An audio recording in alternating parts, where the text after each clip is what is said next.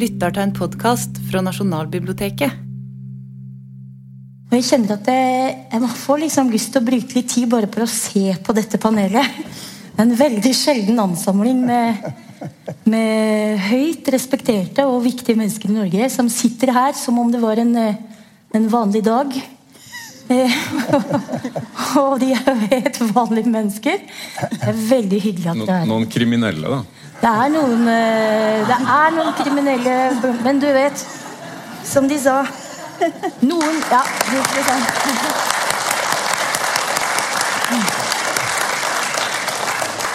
For å, for å sitere Tramteatret Noen helter får applaus, andre helter kjemper taust, men de største helter settes i arrest. Altså, det er Det er Det går an.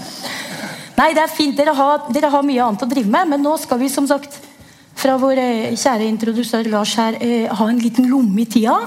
Dere har fått lov til å velge tekster som eh, betyr noe for dere, og dere skal få lov til å si hvorfor. Og så skal dere lese sjøl. og jeg tenker at vi begynner med deg, Erlend. Og da lurer jeg på, er det sånn Husker du ditt første møte med høytlesning? Har du noe minne av det? Det første husker jeg ikke, men jeg var enebarn fram til jeg var åtte år. Og da hadde jeg jo to foreldre som nærmest kaptes som å lese for meg. Ja. I ettertid ser jeg at det var en luksus. Ja. Jeg ble veldig opptatt av fortellinga og hva det var å fortelle historier. Som tror jeg mye på grunn av det. Ja, for det med fortelling har jo, det er jo egentlig noe av det du liksom jager i de ulike kunstfeltene du Ja har drevet med. Mm. Jeg husker det veldig godt som en kjempefin stund, da, og ganske ofte med foreldrene mine. Ja. Og hva, hva leste dere med? Det var alt fra Anne-Kat. Vestly og eventyrene. Asbjørnsen og Moe. nest- Altså fra perm til perm. Og uh, pappa leste uh, Burrows Tarzan-bøker, som han hadde mange av. da Altså Den siste mohikaner og alt mulig sånn helt til jeg begynte å lese mye sjøl da jeg var kanskje 12 og 13. Mange forskjellige ting. Med Astrid Lindgren, selvfølgelig. Ja. Du, Alin, ble du lest for? Eh, Ja. Eh, Jeg ble eh, lest for både av mormoren min, eh, som var bokhandler. Hun tror jeg var den første som leste for meg. Det husker jeg veldig godt. At hun leste hver kveld. Da jeg var sammen med henne, så satt vi ved kjøkkenbordet, og jeg fikk brødskive med banan og varm sjokolade. Og så leste hun Asbjørnsen og Moe. Og så husker jeg veldig godt at faren min leste for meg. Leste på sengen, og han leste Astrid Det var veldig mye Astrid Lindgren. Og også Maria Gripe, som jo er en fantastisk eh, svensk forfatter. Og litt Tove Jansson, så da fikk jeg de der, eh, de der eh, mesterne der. Og pappa var så glad i å lese for meg, så, så det var liksom sånn Han slurvet aldri, sånn som voksne av og til kan gjøre. liksom sånn La seg litt forbi. Han, han bare fortsatte. Eh, han gjennom. leste hver side, og det følger man jo ganske godt med på. Og så var det alltid sånn at han eh, leste mer enn det han hadde sagt at han skulle gjøre. Det vi hadde blitt enige om. Så når vi var ferdig med det, så leste han enda litt mer. Nemlig, for han var gripet av historien. og måtte bli Ja, liksom Men var de gode høytlesere? veldig. Og du, Gunnar Stålseth, hvor er det du møtte høytlesning eh, husk, første gang, som du husker det? Eller tidlig? Jeg var omgitt av høytlesning hele barndommen og oppveksten fordi eh, mor og far var eh, lærere, far var styrer på internatskole. Og vi bodde på internatskole i tredje etasje, det siste stedet som i min ungdomstid. Og med alle, som vi sa, internatungene i andre etasje. Og så i første etasje var det da klasseværelse. Så det å være hjemme med foreldrene om kvelden, det var fritid fra lesing. For ellers var vi opptatt av det hele tiden. Men selv har jeg ført det videre i tradisjon til både barn og barnebarn. Eh, med fortellinger som jeg har skapt mens jeg har fremført det. Så, så det, jeg skal, det jeg skal komme til senere, er fra en bok hvor jeg sier 'i begynnelsen var fortellingen'. Du, Da gleder vi oss. Da kan dere sette dere så godt dere klarer. Og så er det deg, kjære Erlend Goe. Hva skal du lese for oss? Jeg skal lese eh, en tekst av Thomas Bernhard. østerriksk forfatter som jeg har sett veldig høyt, som var kontroversiell eh, da han levde. 1931 til 89. Han har skrevet utrolig sterkt og godt om å være barn og, og, om oppvekst før og under og like etter krigen. Og han har jo refsa landet sitt både i skuespill og romaner i nesten alt han har gjort, som jeg kjenner til. i hvert fall. Så han var nærmest hata på mange måter. Til tross for det så har han altså fått en del litterære priser mens han levde. Uh, og det har blitt utgitt posthumt, for det ble funnet en samling hvor det sto 'Mine Priser', da, mine priser. Og så har han notert at han tror han fikk 12-13. Uh, og her er det innholdet, den boka som heter 'Mine priser', inneholder kanskje en ni eller noe. Uh, hvor han uh, gjennomgående refser og hater alle som har gitt ham de prisene. da. Og det er rett og slett kostelig. Eksempel her så er det en Han får den, den lille østerrikske statsprisen i litteratur da bruker han sikkert ti sider her på å raljere over at han skal få den lille statsprisen. Og ikke for han burde jo fått den store. Og for den lille får jo bare debutantene, den som er 20 og 22. Mens han som da nærmer seg, nærmer seg 40, burde fått den store. Og så han må I månedene opp mot den utdelinga må han forklare alle at nei, han skal ikke få den store, han skal få den lille. Og det er en kontinuerlig ydmykelse. da, Månedsvis. Um, men han kan ikke si nei, fordi han trenger de 25 000 skillingene som han kan få. da. Og det, og det, går igjen for mange av de prisene her. Men jeg skal lese den første, som jeg syns er den morsomste. Som heter Grillparserprisen. da. Til utdelingen av Grillparserprisen i Vitenskapsakademiet i Wien måtte jeg kjøpe meg en dress. For to timer før høytideligheten hadde jeg plutselig forstått at jeg ikke kunne vise meg i bukse og genser på denne utvilsomt usedvanlige seremonien. Og Derfor hadde jeg faktisk på den såkalte graben fattet den beslutning å gå til Kålmark og kle meg opp, passelig høytidelig, til dette formål oppsøkte jeg den velkjente herrebutikken med det betegnende navnet Sir Anthony, som jeg kjente fra diverse sokkeinnkjøp. Hvis jeg husker riktig, var klokken kvart på ti og utdelingen av grillparserprisen skulle finne sted klokken 11. Altså hadde jeg ennå en mengde tid. Skjønt ferdigsydd hadde jeg til hensikt å skaffe meg den beste dress i ren, ny ull, i antrasitt. Dessuten passende sokker, slips og skjorte fra Arrow, ganske raffinert med gråblå striper. Hvor vanskelig det er å gjøre seg forstått i såkalt finere forretninger, er en kjent sak, selv om kunden straks og på mest presise vis sier hva han vil, blir han først stirret vantro på, helt til han har gjentatt ønsket sitt. Men naturligvis har selv ikke da den tiltalte ekspeditøren forstått. Derfor tok det også denne gang i Sir Anthony lengre tid enn nødvendig å bli ført til de reolene det var snakk om. Faktisk var omstendighetene i denne forretningen kjent for meg fra mine sokkeinnkjøp, og jeg visste selv bedre enn ekspeditøren hvor jeg kunne finne den dressen jeg søkte.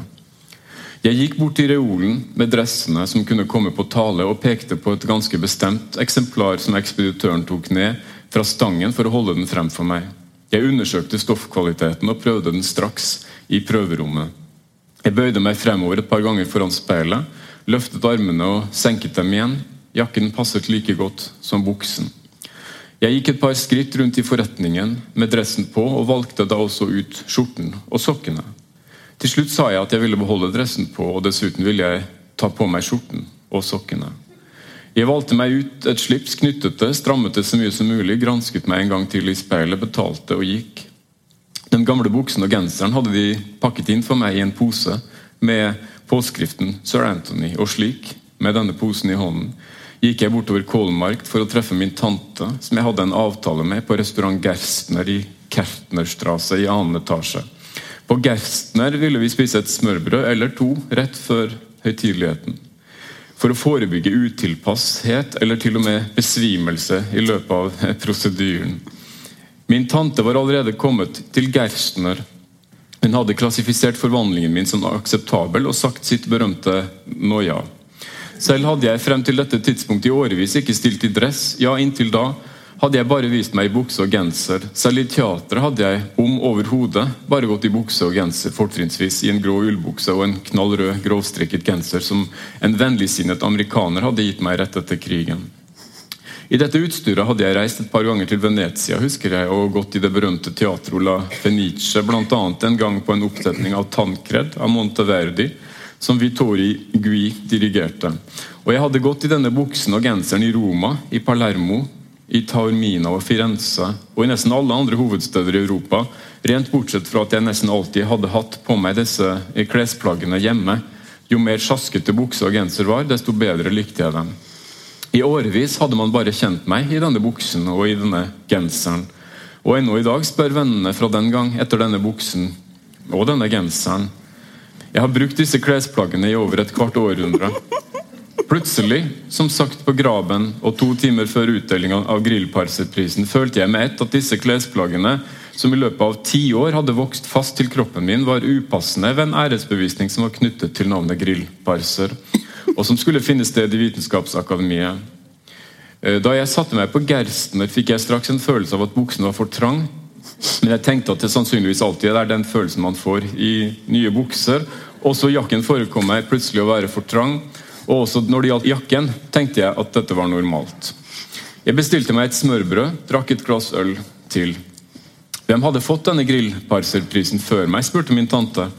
Og I øyeblikket kom jeg bare på Gerhard Hauptmann. Det hadde jeg lest en gang, og ved denne anledning for første gang fått vite om eksistensen av grillparserprisen. Prisen blir ikke utdelt regelmessig, bare fra tilfelle til tilfelle, sa jeg, og tenkte at det lå seks eller syv år mellom hver utdeling, kanskje også ofte bare fem.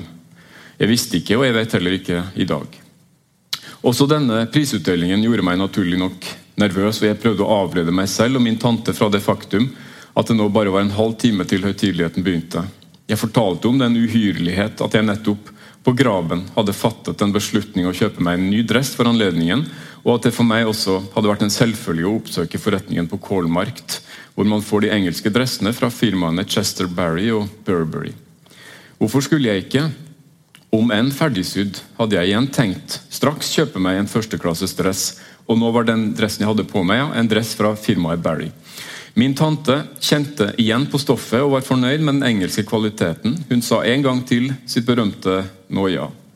Ikke noe om snittet, det var det klassiske. Hun var meget lykkelig over det faktum at Vitenskapsakademiet i dag skulle gi meg sin grillparserpris, sa hun. Stolt også, men mer lykkelig enn stolt. Og Hun reiste seg, og jeg fulgte etter henne ut av Gerstner og ned på Kertnerstrasse. Vi hadde bare et par skritt å gå til Vitenskapsakademiet. Jeg hadde sterkt imot posen med påskriften Sir Anthony, men jeg kunne ikke gjøre noe med det. Jeg leverer posen fra meg før jeg går inn i Vitenskapsakademiet, sa jeg til meg selv. Et par venner var også kommet dit. De ville ikke gå glipp av denne hedersbevisningen til meg. Vi møtte dem i inngangshallen til Vitenskapsakademiet. Der var mange mennesker samlet, og det lot til at festsalen allerede var fylt opp. Vennene lot oss være i fred, og vi så oss rundt i hallen etter en person som skulle ta oss imot. Sammen med min tante gikk jeg et par ganger frem og tilbake i inngangshallen til akademiet, men ikke et menneske tok den minste notis av oss. Altså går vi inn, sa jeg, og tenkte at inne i salen ville en person ta meg imot og føre meg til plassen min sammen med min tante. Alt i hallen tydet på at det ville bli litt av en festlighet. Og faktisk hadde jeg en følelse av at jeg skalv i knærne. På samme måte som jeg holdt også min tante stadig utkikk etter en person som skulle ta oss imot forgjeves. Altså stilte vi oss rett og slett opp i døren inn til festsalen og avventet hva som ville skje. Men folk presset seg på og forbi og dyttet stadig til oss, og vi skjønte at vi hadde valgt oss det mest ugunstige ventested. Ja, er det da ingen som tar oss imot, tenkte vi. Vi så på hverandre. Salen hadde nå fylt seg nesten helt opp, og vel å merke i den ene hensikt å gi meg Vitenskapsakademiets grillparserpris, tenkte jeg. Og ikke et menneske tar imot meg og min tante. Med sine 81 år så hun vidunderlig ut, elegant, intelligent, og i dette øyeblikk forekom hun meg å være taprere enn noen gang. Nå hadde allerede noen filharmoniske musikere tatt plass på podiet, og alt tydet på at høytideligheten skulle begynne. Men ikke et menneske hadde tatt notis av oss, som jo, trodde vi, skulle være midtpunktet. Derfor fikk jeg plutselig en idé. Vi går ganske enkelt inn sa jeg til min tante, og setter oss der midt i salen hvor det er noen ledige plasser, og avventer hva som skjer. Vi gikk inn i salen og oppsøkte disse ledige plassene midt i salen. Mange mennesker måtte reise seg, og de beklaget seg over at vi trengte oss forbi.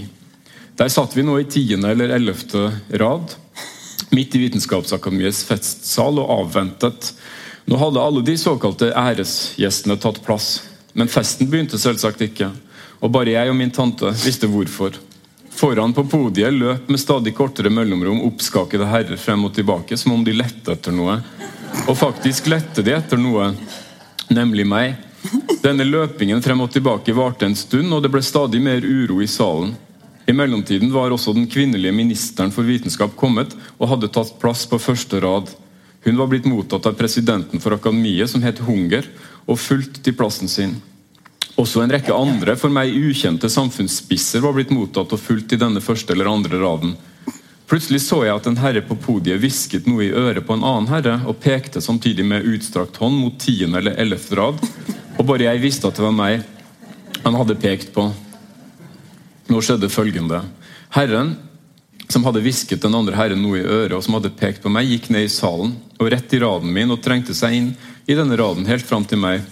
Ja, sa han, hvorfor sitter de her når de jo er hovedpersonen i denne høytideligheten, og ikke foran i første rad, der vi, han sa faktisk 'vi', der vi har reservert to plasser til dem og deres følge. Ja, hvorfor det, spurte han en gang til, og det så ut til at alle blikk i salen var rettet mot meg og denne herren. Herr presidenten, sa herren, ber dem komme fremover. Vær så snill å komme fremover, deres plass er rett ved siden av fru ministeren. Herr Bernhard, ja, sa jeg, hvis det er så enkelt. Men naturligvis går jeg først frem i første rad når herr president Hunger personlig har bedt meg om det. Selvfølgelig bare hvis herr president Hunger personlig ber meg om det. Min tante tiet til denne scenen, og de inviterte så alle på oss. og Herren gikk igjen gjennom hele raden og forover igjen og hvisket der noe i øret på president Hunger ved siden av fru ministeren. Etterpå var det stor uro i salen, som bare skyldtes at filharmonikerne prøveknipset på instrumentene sine, men som ikke var så helt forferdelig. Og jeg så at president Hunger kjempet seg fram til meg. Nå gjelder det å vise standhaftighet, tenkte jeg, å vise mot og konsekvens. Ikke kom dem i møte, tenkte jeg, slik de ordets sanneste betydning ikke var kommet meg i møte. Da president Hunger var fremme ved meg, sa han at han beklaget. Men nøyaktig hva han beklaget, sa han ikke. Sammen med min tante måtte jeg komme frem i første rad. Min og min tantes plasser var mellom fru ministeren og ham. Dermed fulgte min tante og jeg etter president Hunger frem til første rad. Da vi hadde satt oss og en udefinerbar mumling hadde gått gjennom hele festsalen, spilte filharmonikerne et stykke av Mozart. Så ble det holdt et par kortere eller lengre foredrag om grillparser. Da jeg en gang så bort på henne, så jeg at fru minister Firnberg det var navnet hennes, var sovnet. Noe som heller ikke hadde unngått president Hungers oppmerksomhet, for ministeren snorket, om enn meget lavt. Hun snorket den lave ministersnorkingen som jo er verdenskjent. Min tante fulgte den såkalte høytideligheten med største oppmerksomhet. Av og til når en vending i en av talene hadde vært altfor tåpelig eller også helt latterlig, så hun bifallende på meg. Vi hadde begge våre opplevelser. Omsider, etter omtrent halvannen time, reiste president Hunger seg og gikk opp til podiet og kunngjorde utdelingen av Grillparserprisen til meg. Han leste om et par rosende ord om arbeidet mitt, ikke uten å nevne et par titler på skuespill som visstnok skulle være av meg, men som jeg slett ikke hadde skrevet. Og Han ramset opp en hel rekke berømtheter i Europa som var blitt hedret med Grillparseprisen før meg. Herr Bernhard fikk prisen for sitt teaterstykke 'Ein fest für Boris', sa Hunger. Stykket som et år tidligere var blitt spilt meget dårlig av Borgteater på Akademiteater. Og Så slo han ut med armene som om han ville omfavne meg. Tegnet på at jeg skulle komme opp på podiet, var gitt. Jeg reiste meg og gikk opp til Hunger. Han trykket meg i hånden og ga meg et såkalt prisdelingsdiplom, som i sin smakløshet overgikk alle andre prisdiplomer jeg noen gang hadde fått. Jeg hadde ikke tenkt å si noe der på podiet. Det var heller ikke noe som ble forlangt av meg. For å kvele min forlegenhet sa jeg bare et ganske kort takk, og gikk ned og satte meg i salen igjen. Etterpå satte også herr Hunger seg, og filharmonikerne spilte et stykke av Beethoven. Mens filharmonikerne spilte, tenkte jeg over hele høytideligheten som akkurat nå gikk mot slutten, og som i sin kuriositet og smakløshet og tankeløshet naturlig nok ennå ikke hadde kunnet gå helt opp for meg. Filharmonikerne var knapt ferdig med å spille, da minister Firnberg reiste seg, og det gjorde straks også president Hunger, og begge gikk på podiet. Nå hadde alle i salen reist seg og trengte seg fremover mot podiet, naturligvis mot ministeren og mot president Hunger, som snakket med ministeren. Fornærmet og stadig mer rådvill sto jeg der sammen med min tante og hørte på den stadig mer opphissede ordflommen til nærmere 1000 mennesker. Etter en stund så ministeren ut i forsamlingen og spurte med en uforlignelig arroganse og dumhet i stemmen Ja, hvor er det blitt av den lille dikteren vår, da? Jeg sto rett ved siden av henne, men jeg våget ikke å gi meg til kjenne. Jeg tok min tante med meg, og vi forlot salen. Uhindret og uten at noen som helst tok notis av oss, forlot vi Vitenskapsakademiet ved ett-tiden. Utenfor ventet vennene på oss. Sammen med disse vennene gikk vi til den såkalte Gøsser Bierklinikk for å spise. En filosof, en arkitekt, konene deres og min bror. Morsomme mennesker alle sammen. Jeg husker ikke hva vi spiste. Da jeg under måltidet ble spurt om hvor høyt prisbeløpet vel kunne være, ble jeg først virkelig klar over at prisen ikke var knyttet til noe beløp i det hele tatt. Da først følte jeg ydmykelsen som en gemen uforskammenhet. Det er jo en av de aller største æresbevisninger en østerriker kan oppleve. Å få Vitenskapsakademiets grillparserpris, sa en ved bordet. Jeg tror det var arkitekten. En uhyrlighet, sa filosofen. Som alltid ved slike anledninger var min bror taus. Rett etter maten fikk jeg straks en følelse av at den nyinnkjøpte dressen var altfor trang. Og Jeg behøvde ikke å tenke meg lenge om før jeg gikk til Kolmarkt-forretningen til sir Anthony altså, og sa der i en temmelig kjekk tone, men ikke uten den ytterste høflighet, at jeg ville bytte dressen. Jeg hadde jo, som man ville huske, akkurat kjøpt den, men den var minst et nummer for liten for meg. Min bestemthet fikk den tilsnakkede ekspeditøren til straks å gå til reolen hvor jeg hadde funnet dressen. Uten motsigelse lot han meg ta på en dress av samme type, men ett nummer større, og straks fikk jeg følelsen av at denne dressen passet. Hvordan hadde jeg bare for et par timer siden kunnet tro at den ett nummer mindre dressen passet meg? Jeg grep meg til hodet. Nå hadde jeg virkelig på meg den dressen som passet, og jeg gikk ytterst lettet ut av forretningen. Den som kjøper dressen jeg akkurat hadde gitt tilbake, vet ikke at den har vært med meg på utdelingen av Vitenskapsakademiets grillparspris, tenkte jeg. Det var en absurd tanke. Den absurde tanken rettet jeg meg opp på. Jeg tilbrakte en dag full av nytelser sammen med min tante, og hele tiden lo vi av at de uten videre hadde byttet dressen min hos sir Anthony, selv om jeg allerede hadde brukt den under utdelingen av grillparserprisen i Vitenskapsakademiet. Jeg skal aldri glemme folkene hos sir Anthony på Kolmarkt for at de var så imøtekommende.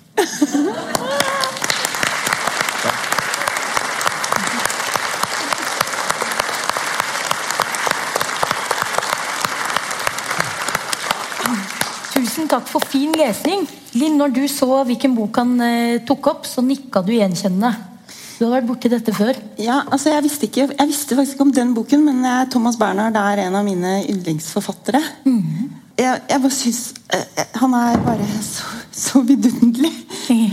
um, den voldsomme vreden. Men inni der en slags utsatthet. At det klarer å stå og dirre sammen. altså Den eh, vreden og utsattheten i, i språket på den måten. Men det er jo helt uforlignet. Kommer aldri til å glemme.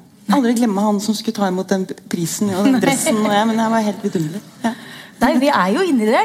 Ja. Nå skal vi liksom røskes ut. Nå blir det litt sånn tørketrommelopplevelse for oss. For nå skal vi jo, Det er jo liksom ganske kort, kort mellom de ulike verdenene dere har valgt for oss. Men, eh, men er du enig med Linn eh, i hvordan, hva, hva, ser du? Ja, jeg er veldig glad i den her um, distansen og, og, Han er så avsleppent infam, da. Han prøver jo sikkert ikke å være morsom, men han er elegant og fryktelig slem. Eh, og nådeløs på en helt herlig måte. Da. Samtidig som han som du sier, er, var jo opplevd altså, fryktelige ting og ble hengt ut sant, som sengeveter eh, på uh, ungdomsleir for uh, Hitlerjugendaktige organisasjoner osv. Et ødelagt menneske langt på vei, da, av flere grunner. Og et tungt uh, liv og mye sykdom og mye motgang. og Alt det der ligger her. Sant? Og det kontinuerlige agget mot landet som han mener var aldri var noe offer, sånn som de framstilte seg sjøl som, men at den som han ofte skriver. altså Katolisismen og nasjonalsosialismen og småborgerligheten og kapitalismen går opp i en større enhet. da. Ingen skammer seg sant, mange tiår etter krigen. Og han hater det. Og han forbøyer jo østerrikske teater å spille teaterstykkene hans etter at han var død. altså Det, det er knallhardt, da. Det er, litt, det er ikke gjort? Er det gjort? Jo da, de har gjort det. Men, eh, men han ville ikke det. Vet du hva, jeg, jeg synes Vi tar en, altså vi bor i applausens u-land, så vi er nødt til å bare balansere. Vi tar en applaus til for valget og for leserne. Takk skal du ha. Da, kjære Linn. Gode Linn Ullmann. Hva har du valgt, og hvorfor? Ja, jeg jeg syns det var så vidunderlig dette med at vi skulle, skulle velge noe. Så jeg begynte jo å ligge våken om natten og tenke på hva skal jeg velge, og klarte liksom ikke å lande på én. Men eh, jeg syns det har vært en, eh, en, litt mørk høst. Og det har jeg hørt andre som har sagt også. at har liksom vært, November har vært enda litt mørkere i år. og Det har vært tungt, og det er tungt politisk, og det er tungt eh, Ja. Så har jeg beskjeftiget meg litt med forskjellige forfattere som også har, som, som har vært i det mørket på en eller annen måte. Altså, da, etter at faren min døde, så, så fant jeg en dagbok fra en notatbok fra da han mistet sin kone og var helt fortvilet.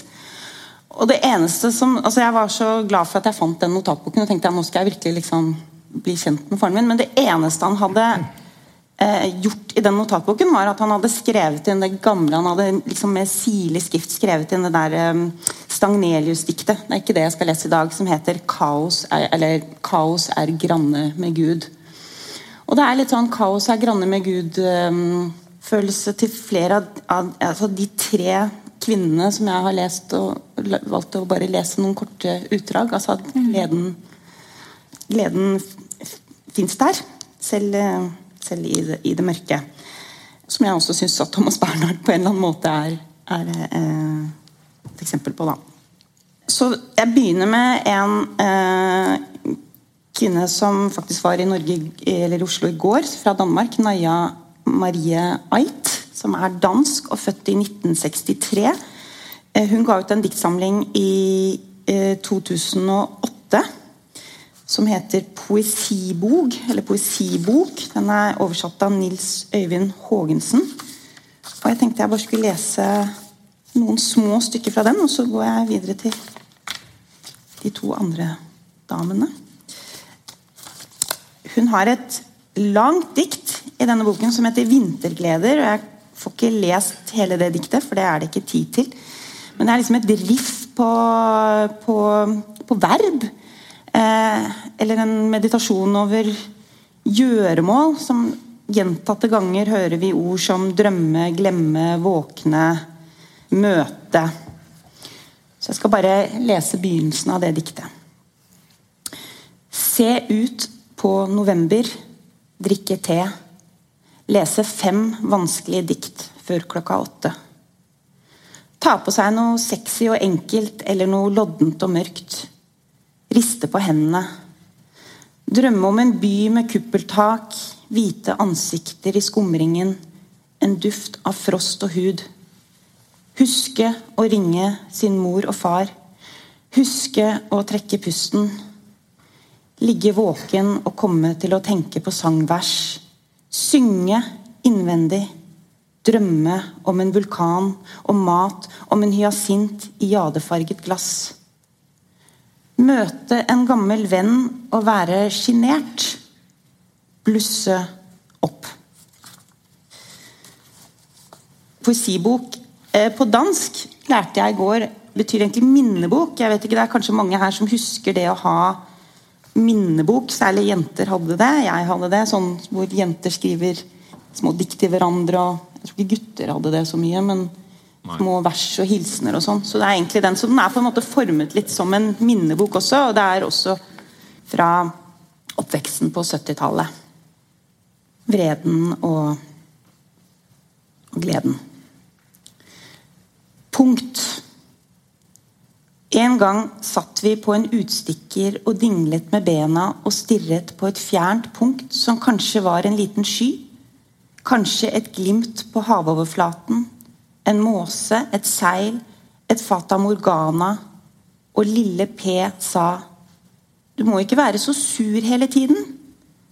Og jeg så inn i øynene hennes, blålilla, glippende, og det krympet seg i meg samtidig som en sort, blafrende demon reiste seg, en brennende påle opp gjennom kroppen, og jeg kløp lille P hardt i benet og hveste. Og hun sa au! Og så fravendt og sløvt utover vannet. Jeg var ikke sur. Det var noe annet. Noe helt annet som ikke engang har et navn, et ord, en lyd. Bare dette blafrende, dette brennende. Hester. En gang var det store gleder. Store solskinnsdager. Store sus i magen. Å dra alene hjem fra skolen. Eggedosis. Saccosekk lese bøkene til de voksne på natten i lyset fra en lommelykt, og besøke moren sin. Hun lukter eplesjampo. Å leke indianerjente, kave med armer og bein og lære å svømme, lyve på alderen, spille i band, streife hånden til en bestemt gutt. Og merke at man har krefter som er ens helt egne. Jeg, et menneske. En gang å være liten og bli stor. En gang å stå ved de svette hestene i skumringen med et hjerte som slår begeistret bak små bryster. Og så, når jeg var i tanken om hva jeg ville lese i dag, så tenkte jeg ok, men jeg gjør det som et lite kor. da, For det er jo sånn når vi leser, så plutselig så leser vi mange forskjellige ting, og så begynner de de stemmene å snakke med hverandre. Ehm, og For ikke så lenge siden så leste jeg eh, Linda Bostrøm Knausgårds nye bok 'Oktoberbarn', som kommer på norsk i mars. Men jeg leste den på svensk og har fått en tidlig norsk oversettelse fra et lite stykke der. Den handler om hennes Det er også en form for minnebok, eller eh, nesten det motsatte. En redsel for å miste minnene handler om å bli utsatt for eh, elektrosjokk. En veldig kritikk av eh, psykiatrien i Skandinavia. Men det er også et litterært verk av helt Jeg ble helt overrumplet av denne boken, så jeg håper at i mars at dere løper og kjøper den, eller låner den boken av Linda Bostrøm Knausgård. Um, den handler også Litt grann om å bli alene. Alene eh, ikke lenger skulle ha den familien hun hadde. Og alene i depresjonen. Hva slags nytte har jeg av det nå? Linda Bostrøm Knausgård er født i 1973 og skriver altså på svensk og er ti år yngre enn Naya Marie Eit. Hva slags nytte har jeg av det nå? i denne ytterkanten hvor jeg tviholder på plagene mine for ikke å ta inn det som er enda verre. Ensomheten, følelsen av å ikke være elsket lenger, ikke kunne elske seg selv. I drømmene roper barna mine på meg, og her er jeg med dritt til oppunder armene. Jeg som ikke lenger har en favn å gjemme meg i, ensom, uten noen å holde meg fast i, beseiret av livet. Og hvem var det som holdt øksen? Var det han eller jeg eller ingen?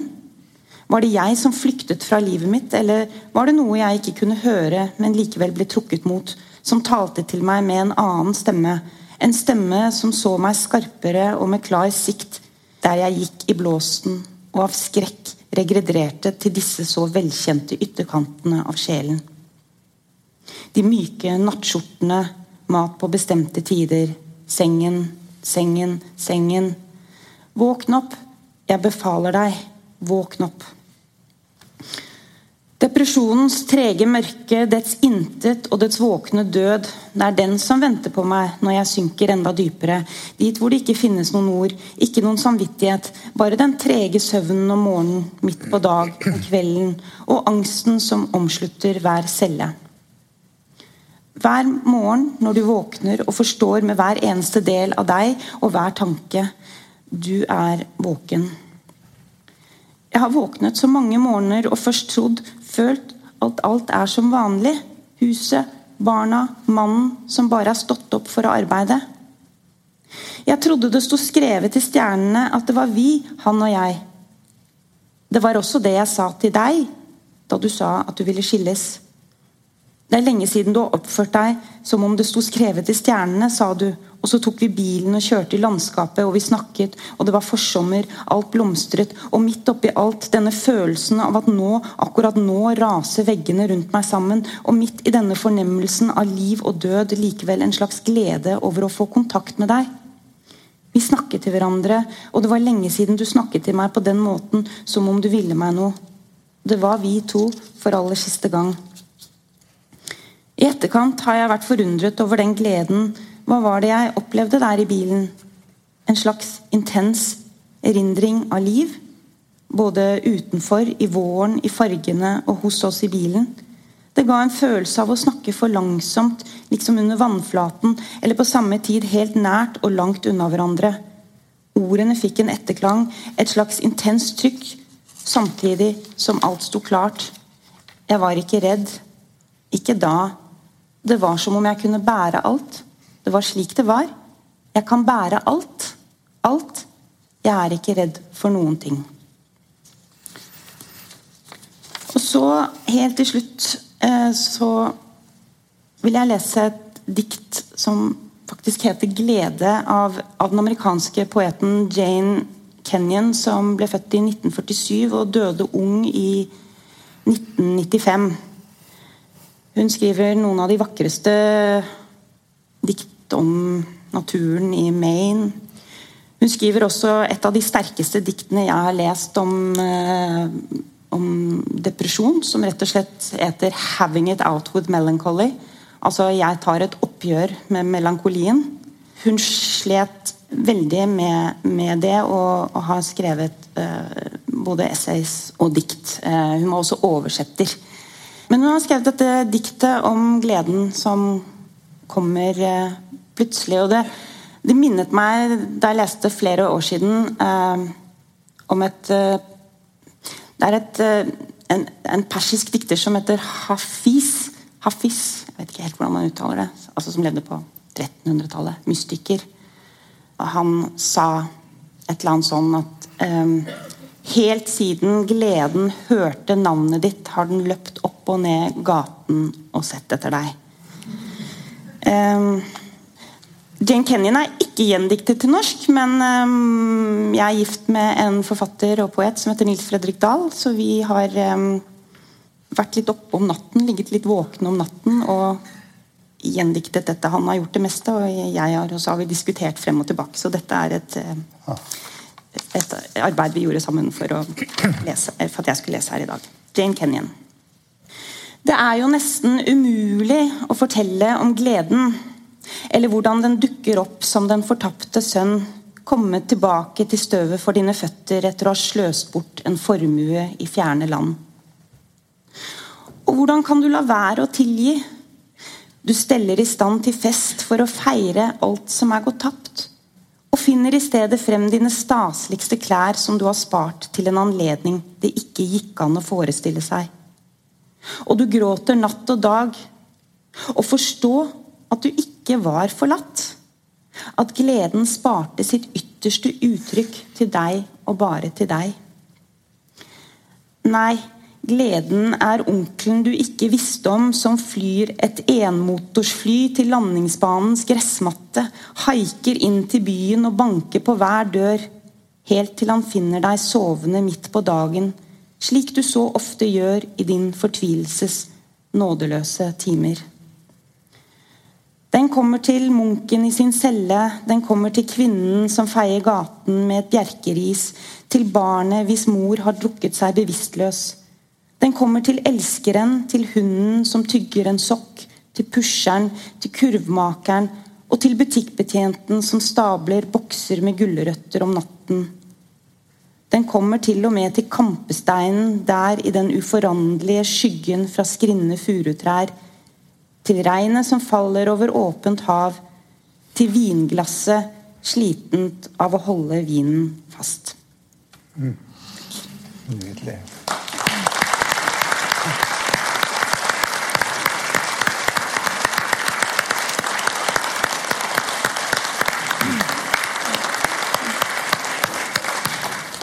for et utvalg! Er, jeg vet ikke hva jeg skal si. Det er akkurat som du har, det kjennes ut som du har, eh, du liksom har leita det fram til liksom de fineste konfektbitene i, eh, i samlinga di, eller smykkene i smykkeskrinet. Altså, hva tenker du sjøl?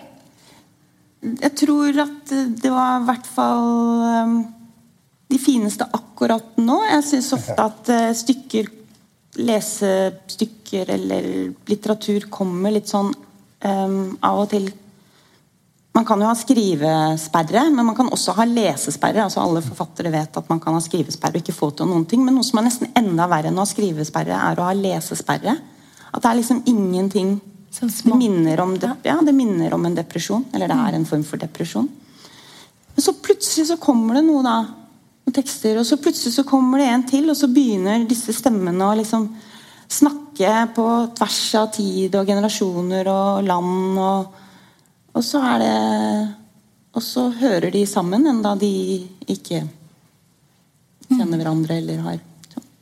Og det er jo det som er så fint med, med, med lesing. Mm. Du nikka og lytta. Lik, likte du dette? Ja, ja.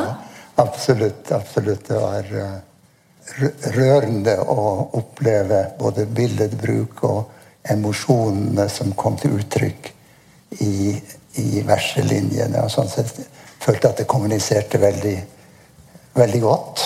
Og så opplevde jeg det når du sa at dere hadde jobbet med oversettelsen, du og mannen. Så, så tenkte jeg det er fint at du byr på deg selv. For, for nå har jeg tenkt ubeskjedent å by på meg. Med en, eh, en fortelling fra denne boken som heter 'Julens budskap'. Eh, I begynnelsen var fortellingen. Jeg kommer av fra en fortellertradisjon som jo står sterkt i nord. Jeg er født i Nordkapp. Eh, og har den, det med meg denne rikdommen som ligger i å fortelle både nøyaktig men også i det nøyaktige å ha en tolkning som noen ganger sprenger virkelighetsbildet, men man føler at det er ekte. Det har jeg prøvd å etterstrebe i um, det jeg kaller min første julefortelling. Mm. Som tar oss tilbake til um, da jeg var fem år. Uh, i Eller faktisk fire år. I 1939 og til 1942. Det dreier seg om to kriger, og det dreier seg om et sted i den aller ytterste utkant, Repvåg, tvers over Magerøysundet fra Honningsvåg i Nordkapp kommune. Midt på kjøkkengulvet sto en ryggsekk. Den var grå og slitt. Det var den far bar så tungt når vi skulle på fisketur. Det var den mor fylte med alt vi trengte for overnatting ute. Varme klær og god mat. Ryggsekken ga følelser av sommer og sol. Jeg ble glad når jeg så den. En ryggsekk av kjærlighet.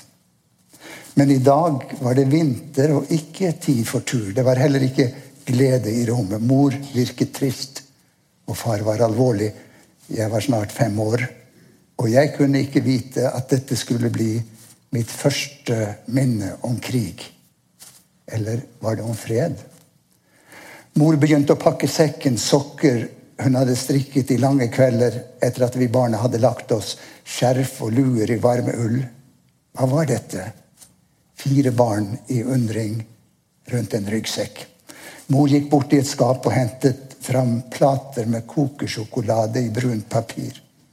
Det var til juledrikk og fødselsdagsdrikk, det visste vi, og en sjelden gang til å spise. Hun hadde fire plater sjokolade, og vi var fire barn rundt ryggsekken.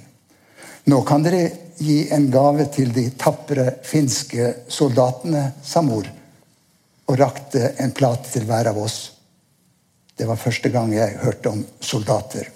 Det er krig i Finland, sa hun Våre slektninger har det vondt, vi må hjelpe dem. Så mye sjokolade hadde jeg aldri hatt i hånden før. Mor mente at andre trengte det bedre. Hun sa ikke mer, begynte å snøre sekken med samme kjærlige hånd som når hun strøk meg på kinnet etter aftenbønn, lot hun hånden gli over den slitte sekken. Så løftet far sekken varsomt som om den inneholdt noe som kunne knuses, og bar den ut. En grå ryggsekk med barnlige sommerminner på vei til unge finske soldater i vinterkrigen. Stemningen har jeg bevart som min første anelse av krig. En følelse av at soldater trenger omsorg. At selv et barn kan gjøre noe for dem som er i krig. Det har båret meg. Denne første opplevelse av at noen i et annet land trengte hjelp, og at disse ukjente andre sto meg nær, slik var mitt første steg inn i den store verden. Dette er mitt første tydelige barndomsminne. Det styrer min tolkning av julebudskapet.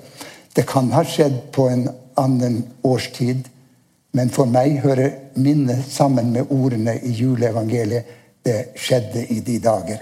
Det handlet om krig og fred på jorden. Jeg følte meg veldig liten, men jeg var berørt av alvor. Senere lærte jeg om vinterkrigen. Det lille lands tapre kamp mot overmakten. Like mange døde av kulde som av kuler. Til slutt måtte finnene gi tapt. Men jeg hadde vært med dem. Mor og far snakket ofte finsk seg imellom. Det var språket fra deres barndomshjem. Med oss barna snakket de alltid norsk. Finsk ble det hemmelige språket. Det hadde en annen klang noen ganger hørtes det ut som sang. Da trodde jeg de sa at de var glad i hverandre. Andre ganger var det trist. Språket kunne også være hardt og sint. Og da hendte det at mor gråt. Jeg skjønte ikke hvorfor far og mor ikke ville lære oss språket. De skammet seg jo ikke over det. Jeg tenkte at de trengte det hemmelige språket. I det kunne de skjule følelser eller dele fortellinger som vi barna skulle bli spart for. Først senere kranglet de på norsk når uenigheten ikke lenger var til å skjule. Og jeg måtte ta parti. Det var også et annet språk jeg ikke forsto. Det som små barn på skolen snakket seg imellom når ingen voksne hørte. Språket deres forbandt jeg med gråt. Som når de tryglet foreldrene om ikke å gå fra dem. De ville ikke være alene igjen i dette fremmede huset, det de voksne kalte internatet. Jeg tror vi forsto hverandre, vi barna. Kanskje fordi gråten er barns felles språk. Slik leken er det overalt i verden. Noen sjuåringer kunne bare samisk. Og ingen lærer forsto dem. Men det var en husmor på internatet. Hun ble deres bestemor i den lange ventetiden. Hos henne kunne de gråte. De holdt henne rundt halsen mellom hikstene. Hikstene hvisket de ord fra teltet og gammen. Og hun trøstet og fortalte i morgen skal vi leke og lære noe nytt og få mange venner. Og når det blir jul, når det blir jul, får dere være hjemme lenge. Så kom drømmen om teltet og reinsdyrene, om hundene og det frie liv. Og mor og far og store søsken som helt sikkert var glad i dem.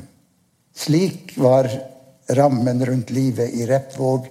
Ytterst i Porsangerfjorden en internatskole, et fiskebruk der lokalbåten fra Honningsvåg la til en dag i uka. Noen få hus rundt Vågen og et par fattigslige jordgammer kledd innvendig med avispapir. Husene skjøt rygg som katter og klorte seg fast i bakken når vinterstormen raste. Det var stier mellom husene og båter i fjæra. Dørene i husene var alltid åpne.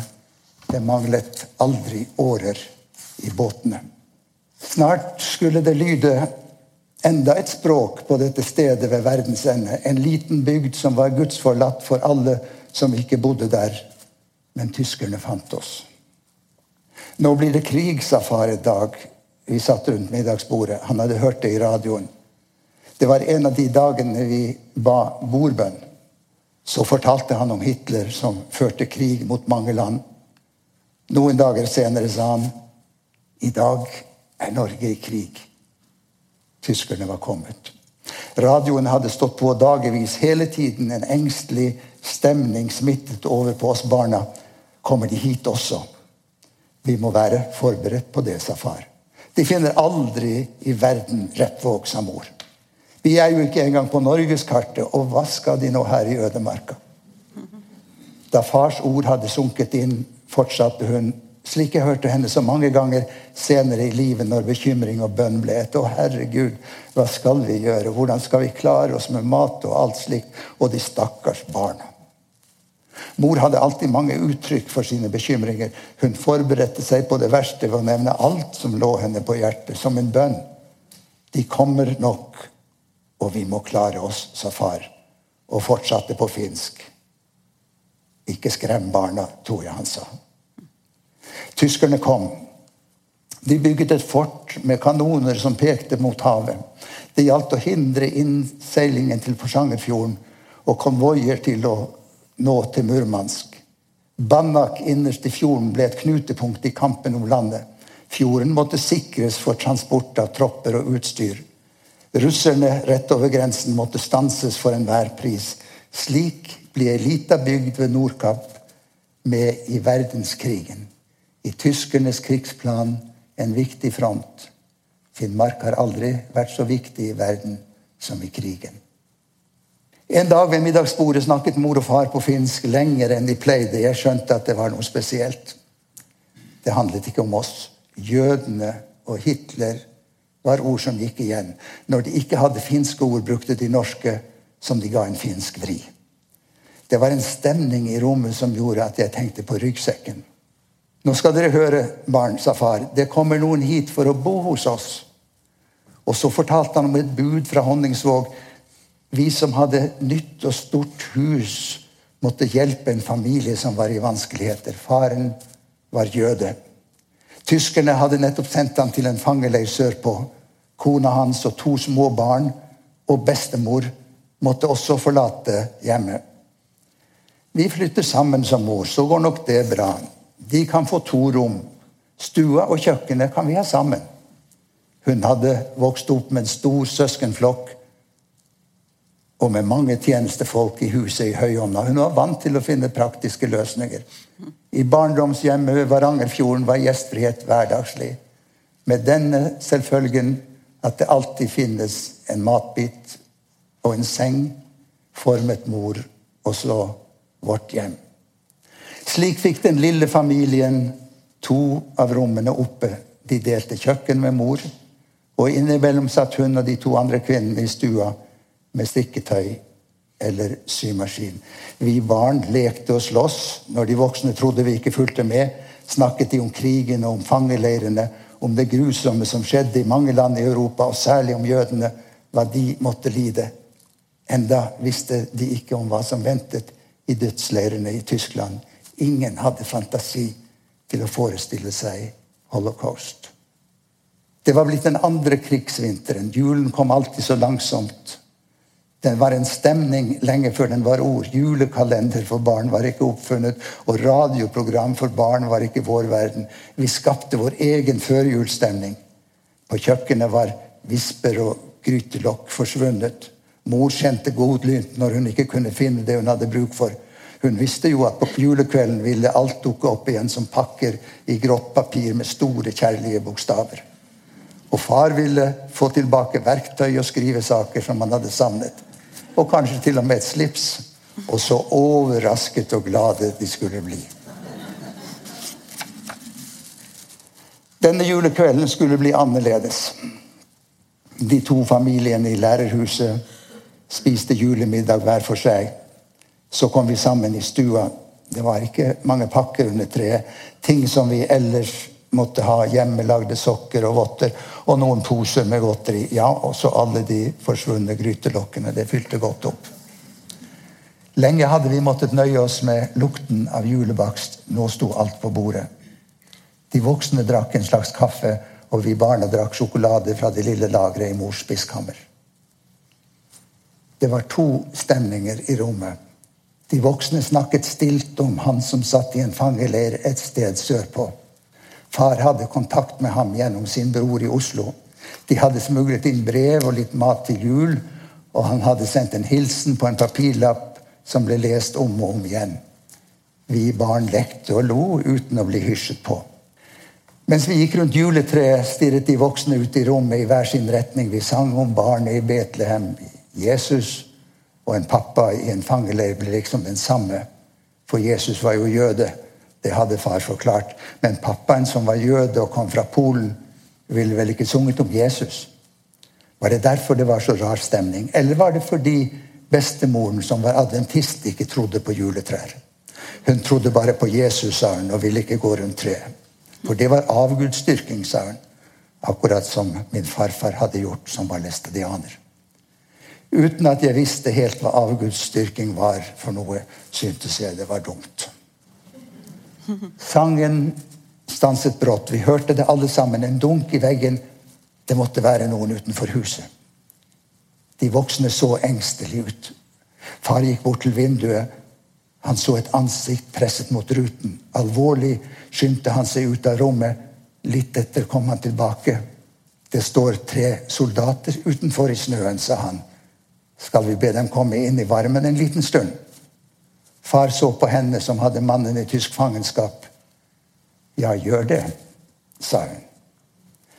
Det var tre forfrosne unge gutter som kom inn. Forsiktig la de fra seg uniformslue og votter. De fikk sette seg. Mor hentet resten av sjokoladen, og hun ba oss barna gi dem julekakene. Vi så på dem med store øyne. Enda bygda var så liten, hadde vi ikke sett dem før.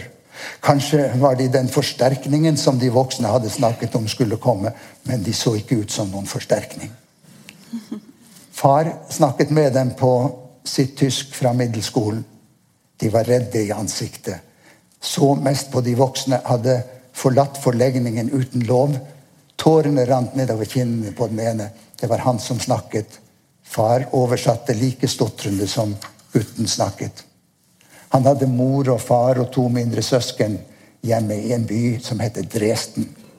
Han savnet dem så, og de visste knapt hvor han var.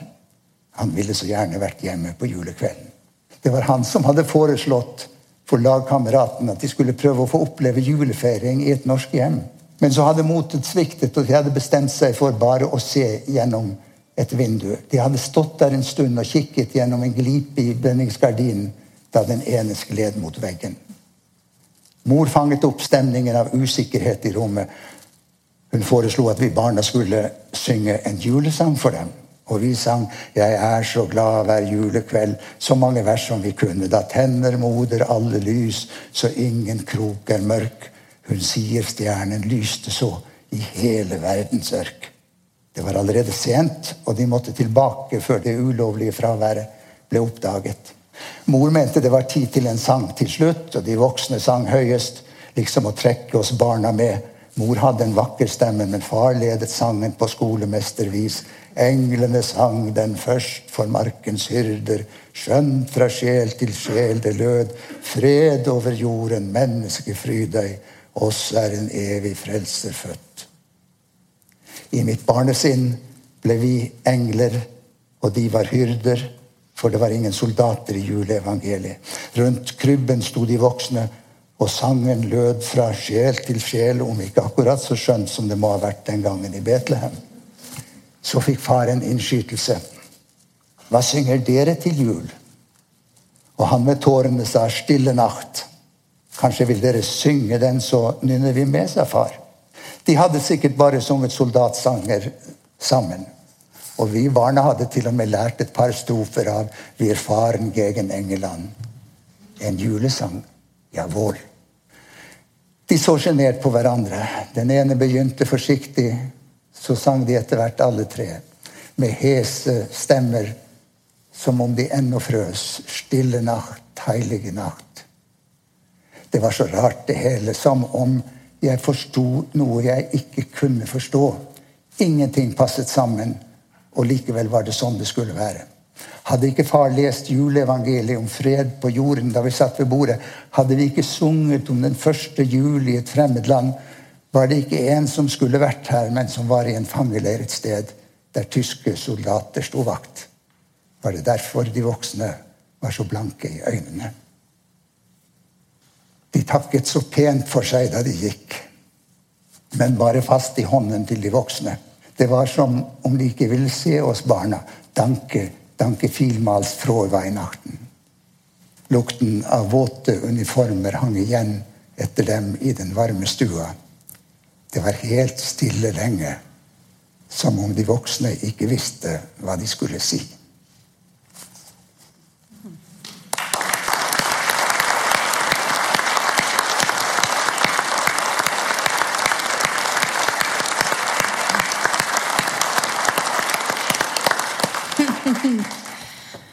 Altså, På et eller annet tidspunkt i livet deres så fikk dere en gave ved å glede dere over litteratur. Så mye at dere ville til og med skape den. Og nå har dere gitt oss en fantastisk gave. Har dere hatt det fint, folkens? Vi har hatt det fint. Ja. Vi må bare si tusen, tusen takk for det. Så håper dere får en veldig fin jul. Så håper jeg at dere eh, får en veldig fin jul også. Eh, med kanskje mye høytlesningsstunder og fine bøker dere kjøper eller låner. Begge deler er ålreit. Tusen takk for at dere kom. Takk. Til dere.